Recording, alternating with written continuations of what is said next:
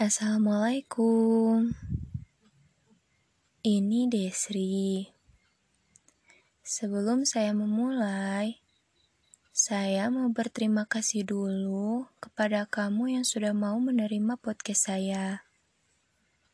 Semoga podcast ini bisa menjadi salah satu teman di hari indahmu. Hmm, tapi jangan terlalu terlena ya. Sebab segala sesuatu yang indah itu pasti cepat berlalu, pergi meninggalkan.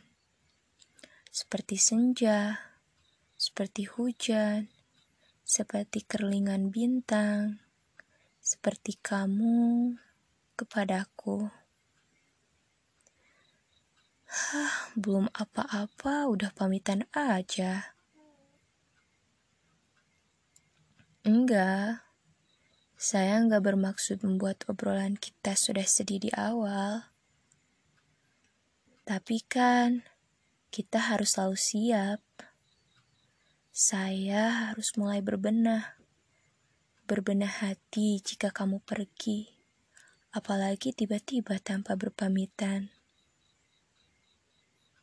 Hmm, Mengetahui bahwa kamu bisa mendengar segala apa yang saya curahkan, membuat saya bersyukur.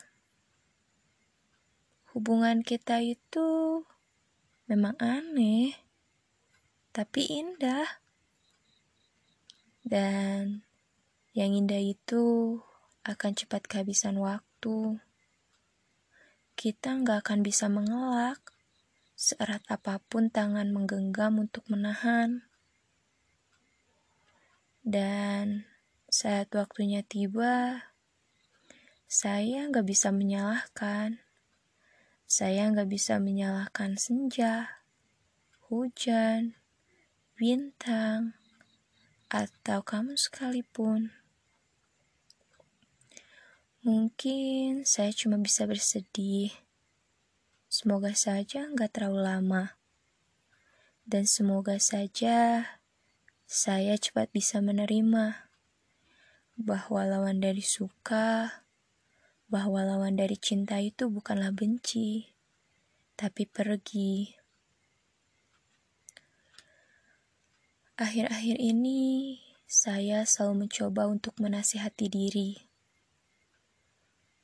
Kepergian suatu yang dicintai itu Anggap saja sebagai sebuah sekolah, tempat kita belajar, tempat kita mengenal. Mungkin memang di beberapa waktu kita akan sedikit membencinya, tapi tenang saja, sebab setelahnya kita akan mulai paham bahwa kepergian mengajarkan kita arti dari rindu dan menghargai sebelum semuanya benar-benar pergi. Rindu itu gak jahat. Rindu itu adalah sebuah perasaan yang begitu baik. Kan benar, kalau kita rindu, berarti kita masih ada cinta di hati. Tetapi, kalau aku sudah nggak merindukanmu, Mungkin Tuhan telah mengambil cinta itu.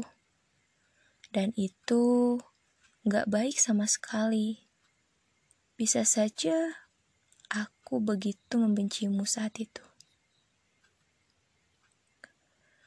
Rindu itu bukan hanya soal jarak dan waktu yang memisahkan, tapi rindu itu adalah kesempatan untuk semakin memupuk perasaan kepada hal yang lebih baik, membenarkan arahnya, dan bersabar, mengambil pelajaran agar jangan mengulang kesalahan dengan menyia-nyiakan sesuatu yang masih dalam genggaman, yang masih bisa dilihat sejauh mata memandang, dan masih bisa dirasakan selama jantung masih berdetak.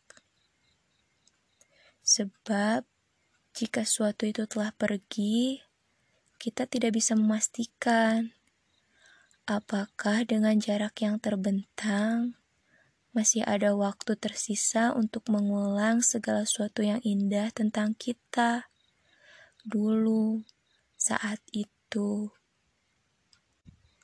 Hmm, sebenarnya ini perkara lebih mudah sih.